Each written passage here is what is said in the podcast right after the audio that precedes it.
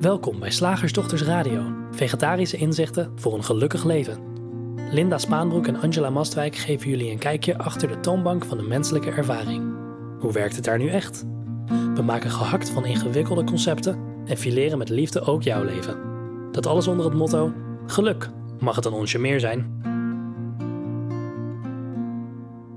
Welkom luisteraars, ik ben Linda. En ik ben Angela. En vandaag willen we heel graag met je kijken naar een onderwerp waar in ieder geval in mijn omgeving heel veel mensen heel goed in zijn. Oh ja?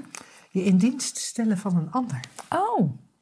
En uh, ja, als je ernaar kijkt, ja, andere mensen dienen is natuurlijk een prachtig verlangen. Zeker. Maar tegelijkertijd is het iets waar veel concepten omheen hangen. Hm. En dat het je levensmissie zou moeten zijn. Of dat je, er wel, dat je wel eerst voor jezelf moet zorgen.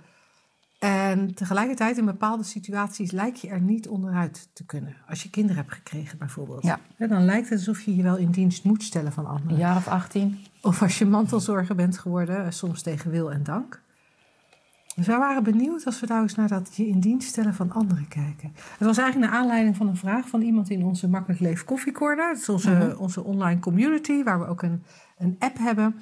En, uh, maar wij dachten, dit is zo'n leuke vraag, die, doen we ook graag, uh, die bespreken we ook graag in de radioshow. Oh ja, dat was niet zozeer een vraag, maar ja. een leuk onderwerp. Ja, ja. Want, want die vraag ging inderdaad over uh, het, het hebben van kinderen en soms dan kinderen die wat, nou ja, het zou kunnen zijn, speciale aandacht nodig hebben. um, of uh, ja, sowieso als ze heel klein zijn en nog, nog hulpeloos en, en volkomen uh, afhankelijk zijn van jou, dat je je toch in dienst moet stellen van, dat, uh, van het kind of van meerdere kinderen. En dat dat eruit kan zien als best een zware taak. En aan de andere kant als een soort schone taak hebben we bedacht. Van, nou, dat is toch het mooiste wat er is. Um, in religies hoor je het ook vaak, hè, of, of in boeddhisme. Van, je moet ja, je in dienst stellen van anderen of van de verlossing van anderen. Of, nou, dat soort ideeën. Ja. ja, ik ken ook wel mensen die, die ook over zichzelf zeggen van... ik ben nou eenmaal dienstbaar, ik Ah, zorg ja. nu eenmaal graag voor anderen. Mhm. En tegelijkertijd zit daar vaak toch een randje aan. Ja, Daar zit een randje van, maar het is zo zwaar. Of er zit een randje aan van, ik krijg er niks voor terug. Mhm. Ja, ik ben altijd zo dienstbaar, maar een complimentje kan er niet eens vanaf. ja een soort, dat het een soort. de- dat het gevoeld wordt als een, als een verplichting. Eh, en dan vaak een morele verplichting ook. Hè? Van ja, je kan die man toch niet, of je moeder toch niet, of je kan die kinderen toch niet. Er komen allerlei schuldgevoelens dan ook weer eh, bij kijken. En dan is het een soort noodgedwongen dienstbaar zijn. Ja. Eh, vanuit welk idee dan ook, hè? En ik, ik begrijp wat je zegt met dat, met dat randje. Weet je waar ik aan moest denken? Ik ben een hele tijd heb ik eh, ehm, gewerkt, vrijwillig, voor een culturele stichting. Die organiseerde een jaarlijks festival in Leidse Rijn.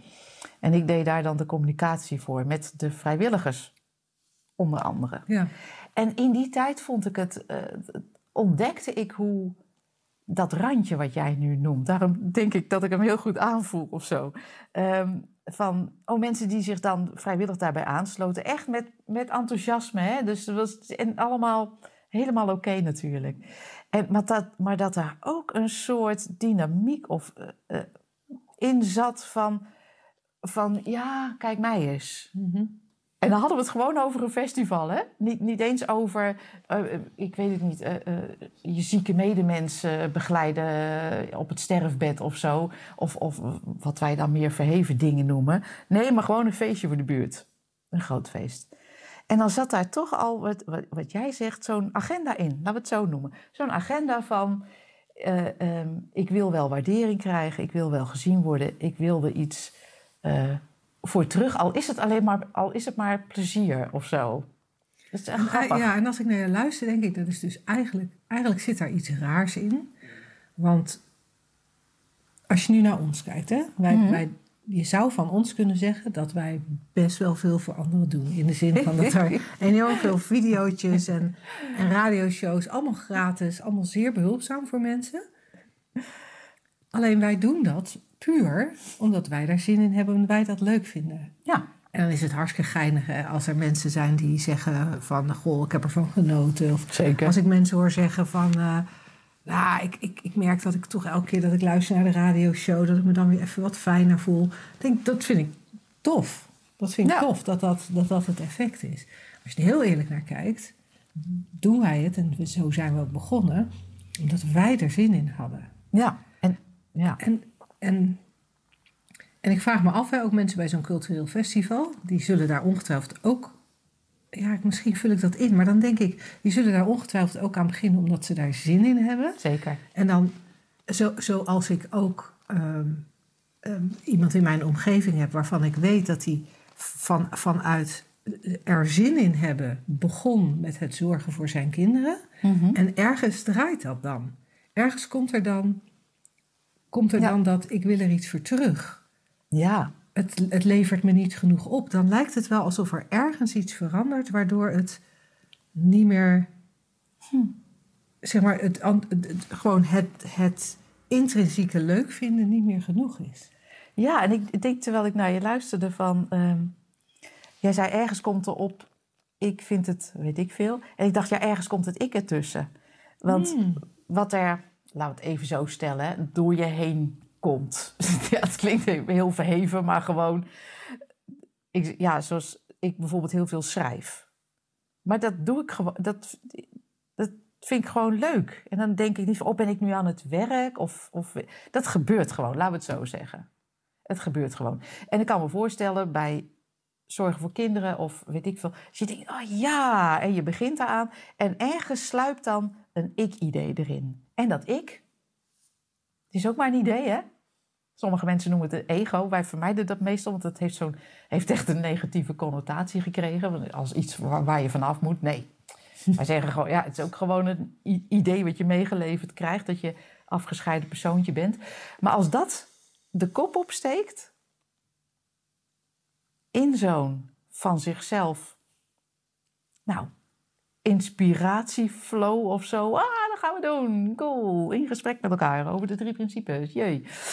Of schrijven of, of wat dan ook. Of, eh, oh, leuk, kinderen. En, eh, en ergens dan dat idee van, van ik. En dat ik, dat heeft nooit genoeg. Ik weet niet hoe bij jou zit. Maar als ik, er, ik in de mix zit, wordt het ingewikkeld. En eh, dan... dat moet gezien worden, dat moet beloond worden, dat moet in be- Gewaardeerd worden. dat moet eh, gecompenseerd worden. Weet ik veel wat dat ik allemaal bedacht heeft, wat het allemaal eh, tekort komt. Terwijl in die flow kom je niks tekort, dan is er gewoon schrijven, spreken, zorgen ehm, of wat dan ook. Ja. Zou, zou het nog iets te maken kunnen hebben daarnaast? Hè? Want dit, Ja. dit, dit, hier ben ik het zeker mee eens. Maar, en vind ik een mooi inzicht ook. Maar zou het daarnaast ook nog iets te maken kunnen hebben met hoeveel ruimte er is, of hoeveel flexibiliteit of hoeveel autonomie erin is? Want zoals dat schrijven, dat kun jij echt doen wanneer het opkomt. Hmm. En er komt genoeg aan schrijfsel uit jou om, om, om dat blog van ons grotendeels te vullen. En eh, af en toe schrijf ik ook nog eens iets, maar als ik het niet doe, nou ja, dan is het niet zo erg, want er verschijnt die week toch van alles omdat jij dat hebt gedaan. Dus wij hebben, als het om dat schrijven gaat, hebben wij veel vrijheid. Met die radioshows ook, van ja, misschien dat we er vandaag twee, misschien drie opnemen. Hebben we weer een voorraadje, soms doen we er elke week één, maar dat gaat allemaal zo'n beetje, nou ja, het, het voelt voor mij alsof daar weinig verplichting aan zit. Of het is, als het al een verplichting is, dan is het er een waar we makkelijk aan kunnen voldoen. Ja. Terwijl als ik denk aan kinderen, Ja. ja, neem maar eens eventjes een kwartiertje tijd voor jezelf. ja, Misschien kan dat wel geregeld worden. Hè? zeker. Ehm, ik kan me zo voorstellen dat daar, en ook als het om mantelzorg gaat, dat daar heel erg de gedachte op kan komen: er is geen ruimte voor mezelf, er Mhm. is geen flexibiliteit, er is geen autonomie. Ik, ik gooi nu even een paar woorden in de Ja. hoor. Die, die, die kloppen misschien niet allemaal voor, voor degene die dit beluistert. En, en ik kan me voorstellen dat dat dienstbaar zijn, of dat, dat voor anderen zorgen, dat dat dan ga- kan gaan schuren. Zeker. En natuurlijk is dat ook een ik-gedachte. Ik heb niet genoeg ruimte, ik heb niet genoeg autonomie, ik heb niet genoeg flexibiliteit.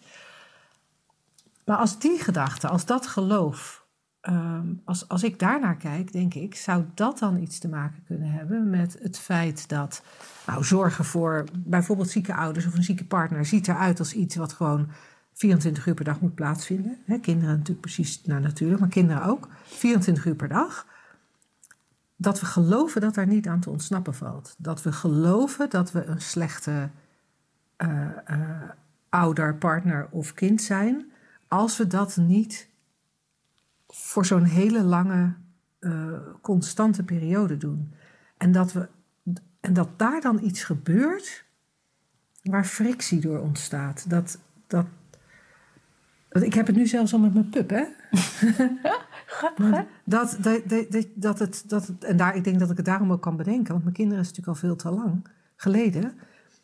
En dat ik merk dat mijn dochter gisteren tegen me zei: Ja, maar mam, ik kan hem toch ook even uitlaten? En dan was niet eens in me opgekomen dat een ander het zou kunnen doen.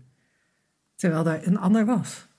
En, en ik realiseerde me dat, het, dat ik het als kind, als, toen mijn kinderen jong waren ook best lastig vond om anderen te vragen voor mijn kinderen te zorgen. Ja. Terwijl het misschien wel heel fijn voor mijzelf geweest zou zijn als ik af en toe eens een avondje weg was gegaan. Of als ik eh, een weekendje met mijn partner was weggegaan. Zeker. Er komt ook dan eh, zoveel moeten bij. Hè? Dat, dat, ik herinner me echt dat ik vroeger altijd, terwijl ik helemaal niet zoveel hoefde, maar ik sprak altijd in termen van moeten. Ja, ik moet, eh, moet zo de kinderen ophalen, moet ik nog even boodschappen doen. Ik moet, eh, ehm, nou, weet ik veel. En in eerste instantie, dat is ook leuk om te vertellen, had ik dat een soort omgedacht. Dat Ja. is heel simpel. En dan, eh, dan heb je het gewoon op het persoonlijke psychologische vlak, heb je even eh, eh, een betere ervaring. Dus jij wilde ineens, jij wilde ineens de kinderen ophalen. Precies. Nee, ik wil dit, want ik wilde, wil kinderen. Ik wil boodschappen doen, want ik wil een gevulde koelkast of vanavond even iets eten.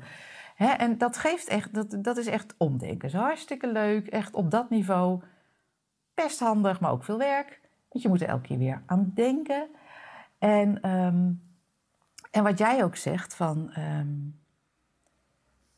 nou ja, als, je, als je dat een beetje in de gaten krijgt en, en eh, ziet dat je het eigenlijk allemaal, ja, dat het allemaal in het denken plaatsvindt, dan wordt het ook makkelijker, of je krijgt het aangereikt zoals jij, eh, even iets, iets uitbesteden of misschien iets niet doen waarvan je eerder dacht dat het echt moest, moest, moest, moest, moest, elke avond groente eten bijvoorbeeld. Ik zeg maar even wat.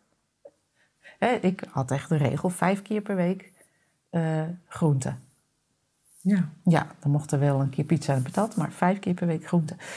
En dat je op dat niveau eigenlijk een beetje de grenzen van je denken oprekt. Of dat die opgerekt worden. Dat is al superhandig. Dat is echt superhandig. En ik denk, er is nog een diepere laag te zien waar, waarin je dus...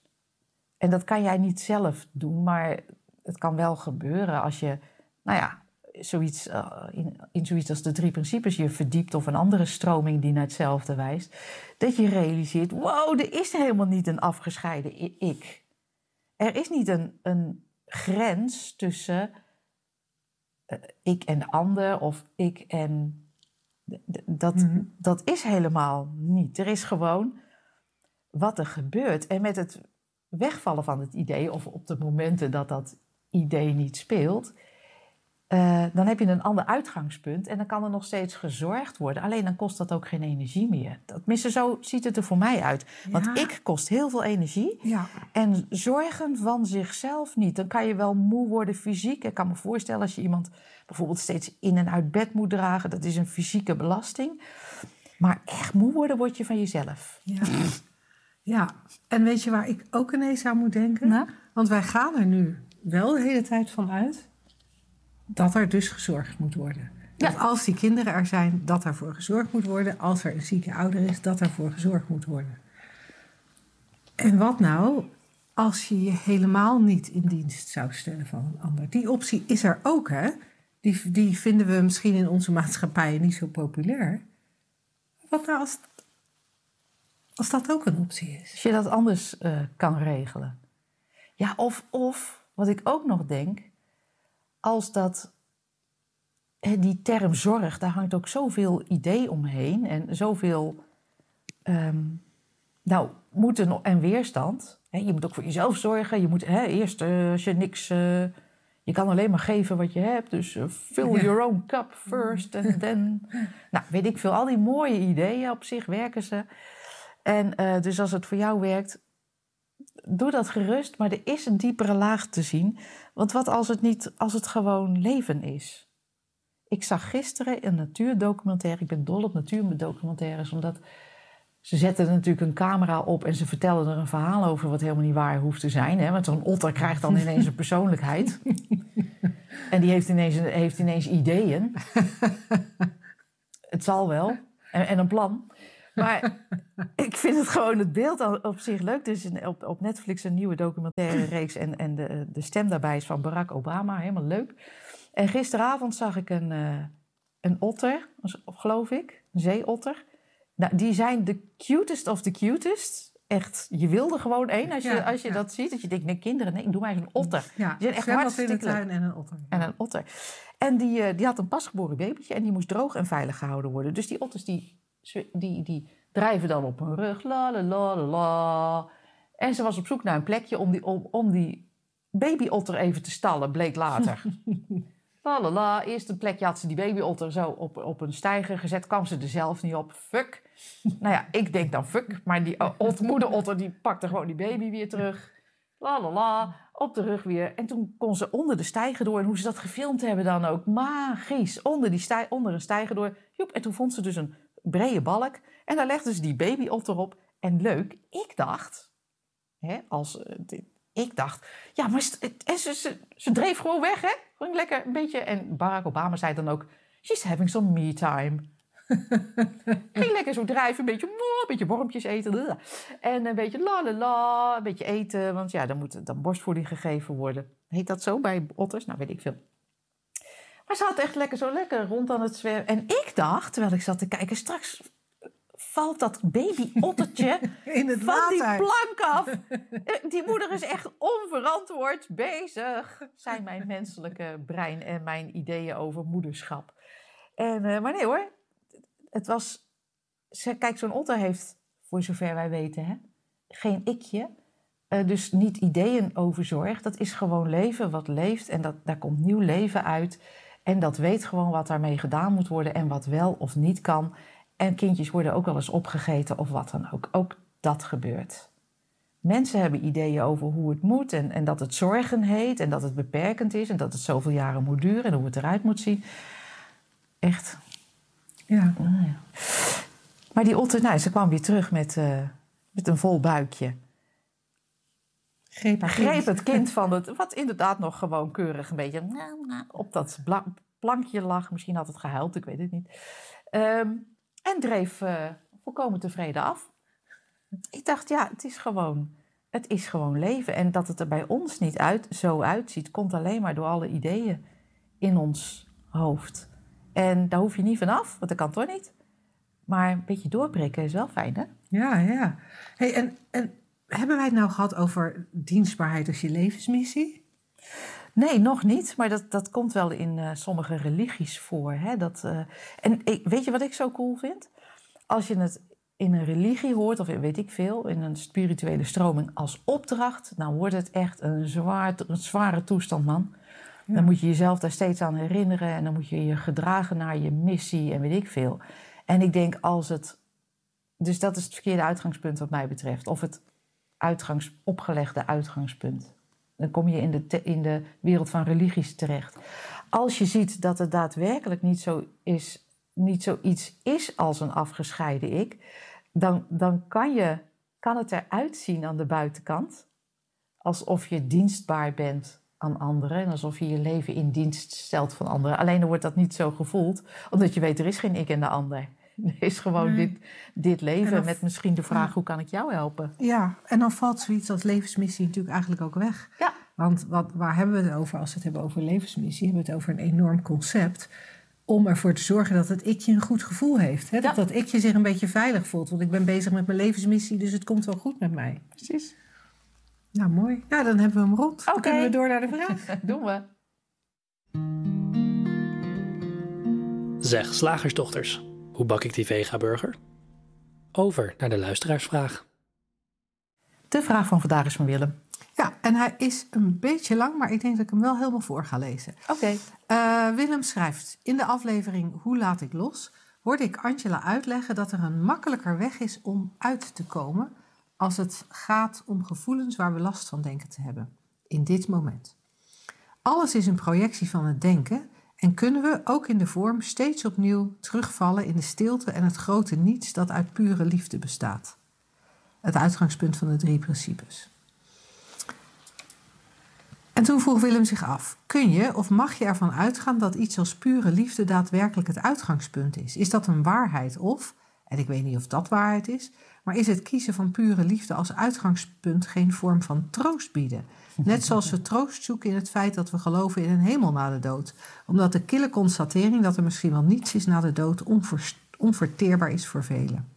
Laat ik het anders formuleren. Zijn we, de mensheid, wel in de kern, in de vorm, pure liefde? En waar moet dat uit blijken? Als ik kijk naar de natuur, ziet deze er ogenschijnlijk harmonisch uit. Maar een vredere wereld kan ik me niet voorstellen. Dieren maken elkaar af, scheuren uit elkaar, uit elkaar tot de dood erop volgt. De mensheid kan elkaar ook uitmoorden. Als honger en armoede overheerst, zijn we net als de dierenwereld. Voor alle duidelijkheid, ik geloof in liefde, harmonie en positieve energie hoor. Maar mogen we er eigenlijk wel van uitgaan? Of hoe onderbouwen we iets als pure liefde als basis? Misschien ga ik te diep op de materie in, maar ben gewoon benieuwd op welke vliegroute jullie op mijn, mijn vraag aanvliegen. Ik geniet elke week van de podcast en fijn, de nieuwe jingle. Ah, nou, dat geven wij door aan de jinglemaker. ja, mooi. Ik, ik, ik, ik schenk nog heel even kopje thee in hoor, Willem. Ja. Voor, terwijl we aan je vraag beginnen. Er staat in die vraag letterlijk: kunnen we pure liefde zien als de waarheid? Hoe weten we dat? En ik dacht: nee, je kan geen enkel woord als waarheid aannemen. We verwijzen alleen naar iets wat niet omschreven kan worden. En ja, met woorden zitten we er altijd naast. Dus als wij zeggen pure liefde en jij hebt daar een ander idee bij dan wij, dan zitten we er twee keer naast. Ehm, dus het verwijst naar de waarheid, maar die waarheid kan niet benoemd worden. Maar hoe weet je dan dat dat wel je essentie is? Hoe weet je wel dat dat uh, het leven zelf is of je uitgangspunt mag zijn? En ik denk dat we hier ook weer. Ik, ik, ik kan hier. Ik, kan hier gewoon een hele aparte radioshow over maken, Linda. Ja. Um, dan is misschien een ander woord voor jou uh, helderder, uh, kloppender.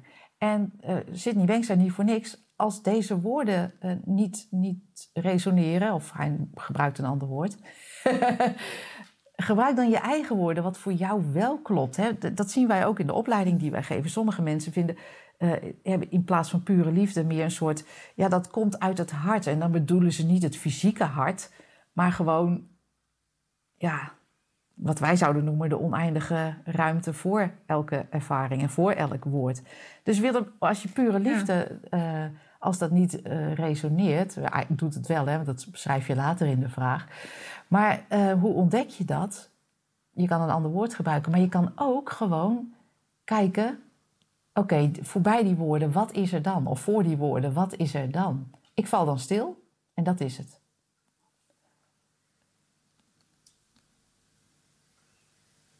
En daarom weet ik het. Omdat dat het is. Ja. Ja, en, daar, en, en wat je al aangaf, daar kan je niet, daar kan je niet echt een woord aan geven. We kunnen meer voorbeelden geven van dat in mij opkomt. Een van onze klanten uh, noemt het graag de intelligentie van het leven. Uh, nou, andere mensen gebruiken heel sec dat woord mind, wat, wat vanuit die drie principes als woord wordt aangereikt. Er zijn mensen die het, het God of het goddelijke noemen. En en elk woord schiet tekort, zoals jij al zei. En ik denk dat wij graag pure liefde gebruiken, omdat daar, voor mij althans, de, daar, daar klinkt voor mij in mee de volledige acceptatie of het vol, van alles of het volledige oké zijn. En pure liefde klinkt voor mij als ja, beter dan dat kan niet. en, en, en dat is wat mij betreft ook dat vormloze dat, dat is. En omdat het vormloos is, kunnen we er natuurlijk al geen woord aan geven. Hè? Zodra je er een woord aan geeft, dan zit je er al naast. Uh, maar dat, dat vormloze, dat, dat, dat is. En dat kan niet anders dan pure perfectie zijn. En als we dan erbij uh, gaan, gaan, de wereld van de vorm erbij gaan halen en, en terecht hoor, Willem aantonen van nou daar is contrast. Er is jij en ik, er is, uh, er is oorlog, er is eten en gegeten worden. Er zijn uh, dierlijke um, neigingen, zou je kunnen zeggen, van zowel mens als dier. Um, en als je in dat licht de liefde stelt, dan heb je het over voorwaardelijke liefde. Want dan, dan is het van, ja, dit is goed, dat, dat is wel liefde, maar, maar die moordenaar dan? En dan heb je het over liefde op het niveau van de, van, de, van de vorm, van dat wat je wel lief kan hebben en dat wat je niet lief kan hebben. Maar dat is dus een ander niveau, zou je kunnen zeggen. Pure liefde is vormloos, onvoorwaardelijk dus ook. En ga je dat een soort in de vorm of vergelijken met vormen die het aanneemt, ja, dan, dan, dan klopt het ook niet meer. En dat, is, en dat is logisch, want dan zit je op een ander niveau. Je zou ook kunnen zeggen, pure liefde, of onvoorwaardelijke liefde, is de canvas, het doek, waartegen alle contrasten zich, waarop alle contrasten zich afspelen. Waarop de vorm zich afspeelt. En ja, in, de verhaal, in het verhaal, in die vorm, heb je dus eten en gegeten worden en andere dingen. En heb je haat en liefde.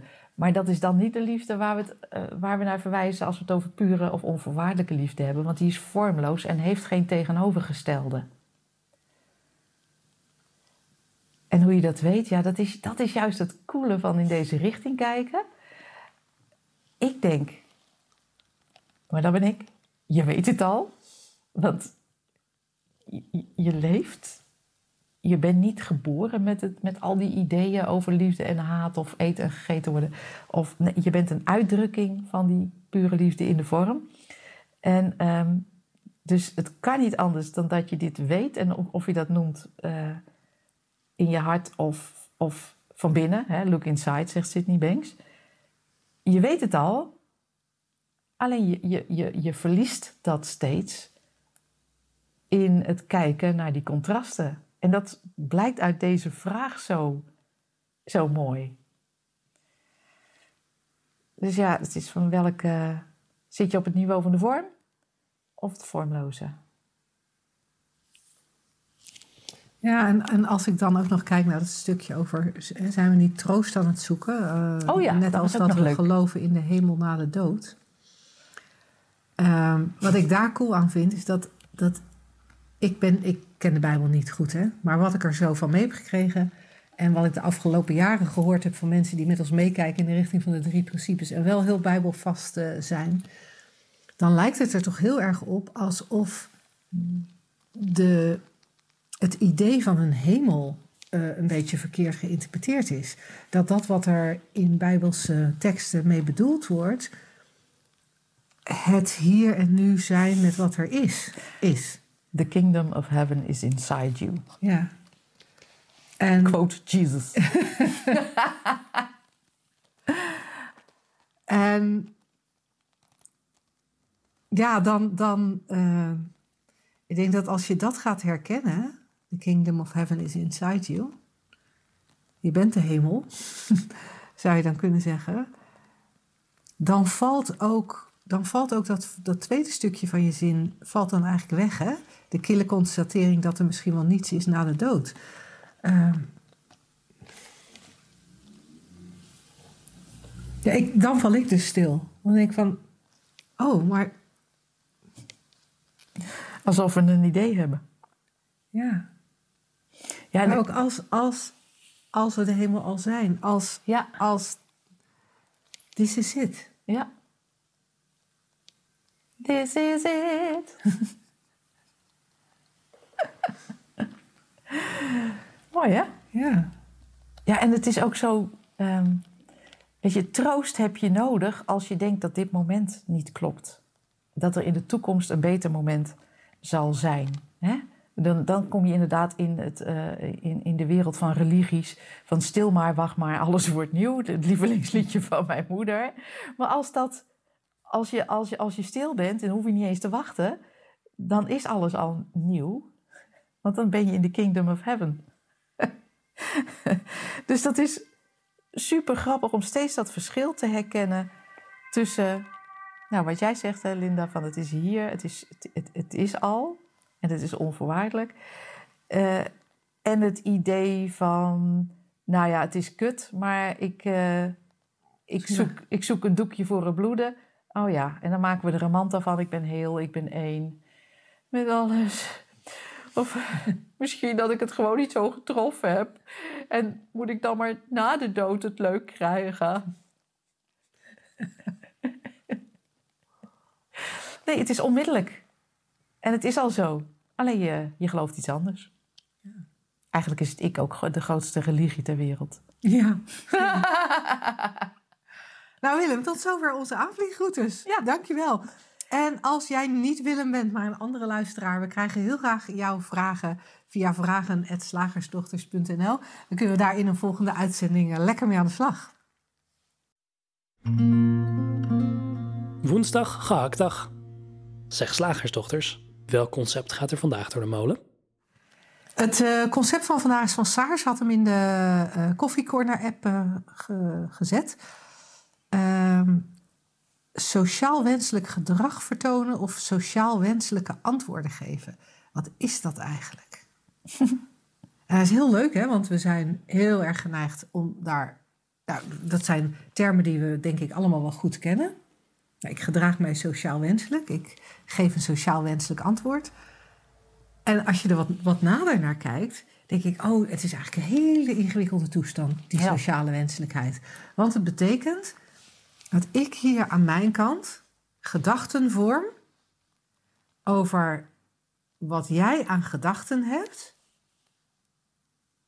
over wat, wat je verwacht van mij. Ja, en dan ook nog binnen deze sociale context, dus de maatschappij waar wij dan in leven. Want dat, dat hoor ik een beetje in van sociaal wenselijk is zoals het gewenst wordt in onze sociale omgeving. Dus de maatschappij of misschien een, uh, een deel daarvan waar jij je in begeeft. Een, uh, ja, hoe noem je dat? Een, uh, wat, wat, je, wat je geacht wordt binnen een familie te doen of binnen een werkkring of als moeder of hoe dan ook, zoiets. Maar het is inderdaad heel veel, heel veel denken. Heel veel denken. Heel veel denken over van alles en nog wat. En ik denk wel eens dat dat is waar we met z'n allen ook heel erg moe van worden en heel veel last van hebben. Ja. Want dat we zelf, dat, dat, dat we van alles geloven over onszelf, is één ding. Hm. Maar dat we ook nog geloven dat andere mensen van alles geloven over ons, ja. dat maakt het echt heel erg ingewikkeld. Waarbij ik denk dat dat sociale wenselijke, dat we daar, dat we daar aan mee gaan doen, uiteindelijk omdat er ergens geloofd wordt dat je anders alleen komt te staan, dat je buiten de groep gestoten wordt en dat dat dan erg is. Dus eigenlijk is wel geinig, want dan komen we terug bij de kern van uh, de boodschap van Sid Banks, die zegt: ja, als het wringt en schuurt, dan is er gewoon een onzekere gedachte. En dat is het enige wat ons als mens dwars zit. En wij zeggen dan, en die onzekere gedachte kan alleen maar bestaan bij de gratie van het geloof in een afgescheiden bestaan als ikje. Zo, ingewikkelde zin, Angela. Zullen we het even simpel houden? Ja, laten we het even simpel houden.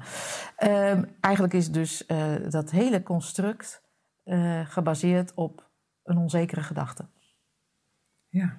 Of heel veel onzekere gedachten. Een onzekere gedachte constructie. En die kan alle vormen aannemen en ook gekoppeld worden zoals je vroeger kneks had, weet je wel. Daar kon je constructies mee maken. En dan kon je met één dingetje ertussen kon je het ook uh, koppelen. Dus je hebt onzekere gedachten, constructie over jij en, en dat je veilig moet, uh, moet zijn. En die koppel je dan zo hup, met één dingetje aan een concept als werkgeverschap of werknemerschap of moederschap of... Um, Geld verdienen.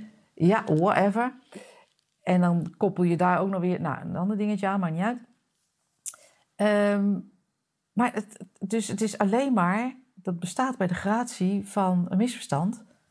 Bij de gratie van de onzekere gedachte. Dat je niet veilig bent of zo, of dat je ik bent. Of- Ja. Want het- wat is het alternatief, Linda? Nou, bewegen. Gewoon bewegen. Ja, ik dacht ook. Ongefilterd bewegen. Ja, dat dacht ik ook. Gewoon opkomen dagen en, en je mond open doen en kijken wat voor antwoord eruit wil komen. Zonder al die overwegingen eh, eh, mee te nemen. Ja. En dat kan eh, best eng lijken. Ja. En uiteindelijk gebeurt er natuurlijk niks. Als je Wat- denkt dat je een ikje bent, is, is alles eng eigenlijk. Ja. ja. En, en anders is er niks eng. Dan is er gewoon het antwoord dat opkomt. ja. Of het gedrag wat eh, gebeurt. Ja. En dan maakt het eigenlijk niet uit wat de ander daarvan vindt. Hè? Ik had, eh, mijn eh, zoon en zijn vriendin hebben, zijn een maandje in Nederland geweest. Ze wonen in het buitenland. En de vriendin van mijn zoon is Indiase. En het is heel geinig om eens een maandje in huis te wonen met iemand die opgegroeid is in een totaal andere cultuur Ja. dan, dan die van ons. En in mijn, nou ja, gewoon bewegen, is het voor mij logisch om even op hun, ze hadden dan twee kamers tot hun beschikking, om even op de kamerdeur te kloppen voordat ik binnenkom. Da, dat is niemand die mij dat gevraagd heeft, maar dat vind ik, dat, nou ja, zo doe ik dat in dit geval. En, eh, en toen zei ze later tegen me, vertelde ze van, ja, ik vind dat zo bijzonder dat jij dat doet. oh, hoezo dan? Nou ja, omdat ehm aunties, hè, want als, als je een vrouw, als vrouw van, van mijn leeftijd ben je een auntie in, eh, in India. Eh, moeders, tantes, maar ook gewoon andere vrouwen van deze leeftijd zijn aunties. Inderdaad. Aunties die komen altijd gewoon binnenstormen. ja, weet maakt niet uit. Die hebben dat recht. Ja, die, die. Dus, en, en ik vond het zo grappig, want toen dacht ik, oh ja, nu in dit kader, van, als ik nagedacht zou hebben over wat sociaal wenselijk was in dit, in dit moment, zou ik aar- aardig in verwarring geraakt zijn. Want voor mijn zoon zou het sociaal wenselijk geweest zijn dat ik geklopt had. Maar voor zijn vriendin was het sociaal wenselijk als ik gewoon binnengestormd was. dus, je komt er, dus je komt er ook niet uit, hè? Als, Nee. je gaat, als je gaat nadenken over dat soort dingen. En gewoon, ja, gewoon, het, het, het- ik, ik zeg het makkelijker dan dat het misschien voor veel mensen is. Mhm.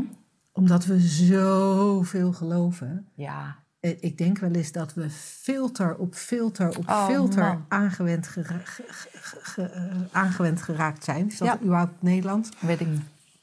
De- Er is een filtertje voorgekomen van dat ik, maar vervolgens ook een filtertje van ik ben moeder, ik, ik, ben, ik, ik hoor dit, ik hoor dat, Ja. ik hoor zus, ik hoor zo. En ik, ik wil niet alleen zijn, of ik wil juist wel alleen zijn, of nou weet ik veel welke filters we ook hebben. En, en dan kijken we door al die filters heen en dan proberen we op de goede manier te reageren. Nou, dat gaat gewoon Dat niet. gaat gewoon niet. Er is altijd wel een van die filters waar je dan niet aan voldoet. Ja. Dat vind ik echt heel interessant als het Ja. gaat om sociaal wenselijk. Er zijn altijd tegengestelde dingen waar we in geloven. Hè, zoals ik het net even filters noemde, tegengestelde filters, die vallen wel een soort van over elkaar heen. En, en, waar, en, en waar ge- gedraag je je dan naar? Waar handel je naar? Ja. Waar, Poeh, en En dat zie je bij kinderen zo mooi, hè? Die kunnen van die hele dingen, eh, ja, van die hele heldere dingen zeggen die echt sociaal onacceptabel zijn, maar heel ehm, puur. En ook, eh, Ja, Ja. begon, begon gisteren een meisje tegen mij. Ik heb voor de, voor de mensen die mij niet kunnen zien, ik heb een klein ja, pukkeltje naast mijn neus zitten. Ik weet niet wat het is. Het is, het is niet echt een pukkeltje, het zit er al jaren. En eh, die keek me zo aan. Die zei: Mijn, eh, mijn zusje eh, had dus ook zo'n pukkeltje. Maar bij haar is die weggehaald. Waarom hou jij hem niet weg? ja, dat, dat. Ik hoorde laatst ook van een jongen, die, een klein jongetje, en die had af en toe wat hij zelf noemde, energie te veel. En ik zei van, oh, en, en is dat een probleem? Wat doe je er dan mee? Ja, zei hij, dan doe ik, eh, dan doe ik nutteloze dingen. Ik vond het zo schattig. Maar het was voor mij een, een hele mooie beschrijving van... Nou ja, misschien dat een buitenstaander zou zeggen van... oh, dat kind stelt zich aan. Of hij bijvoorbeeld eh, ja, hij, hij rent zomaar de school uit eh, op een tijd dat het helemaal niet mocht of zo. Dus een buitenstaander kan zeggen dat is, dat is niet acceptabel. Daar moeten we afspraken met hem over maken. En, of eh, hij, moet, hij moet eens leren normaal doen of eh, weet ik veel. Maar als je gewoon naar zo'n kind luistert, dat vind ik zelf altijd een hele goede tactiek. Als je gewoon luistert, dan kan je horen: oh, het is gewoon heel wijs wat hij, wat hij doet. Er is wat energie te veel in zo'n lichaampje, kan gebeuren. Wij als volwassenen, volwassenen zijn waarschijnlijk jaloers op dat kind. Eh, hadden wij maar zoveel energie. En eh, oh, nou, dan, doet hij even, dan doet hij even gek. Misschien sociaal niet wenselijk, maar wel heel wijs. Want dat is fijn voor zo'n lijfje. Ja. Ja, ik vind het nog wel eens interessant om nog eens la- wat langer door te mijmeren. Maar niet meer in deze radioshow, want Ja. we, we zitten wel aan de tijd. Maar om Ja. nog eens wat langer door te, veel, te, te mijmeren over... Hoe zou je dat kunnen aanleren? Wat, wat, wat valt er meer te zien hè, dan wat we nu even zo kort genoemd hebben? Ja. Wat valt er meer te zien waardoor het makkelijker wordt Ja. om vrij te bewegen? ja. En Hashtag no filter. kijk naar je kinderen. No filter. En dan eh, zien we jou eh, heel graag volgende week. Tot dan. Of spreken we je volgende Ja. week. Wie zal het zeggen? Doeg! Weet je wat ook lekker is? Ons gratis e-book Geluk in de Liefde. Download hem via www.slagersdochters.nl/gratis.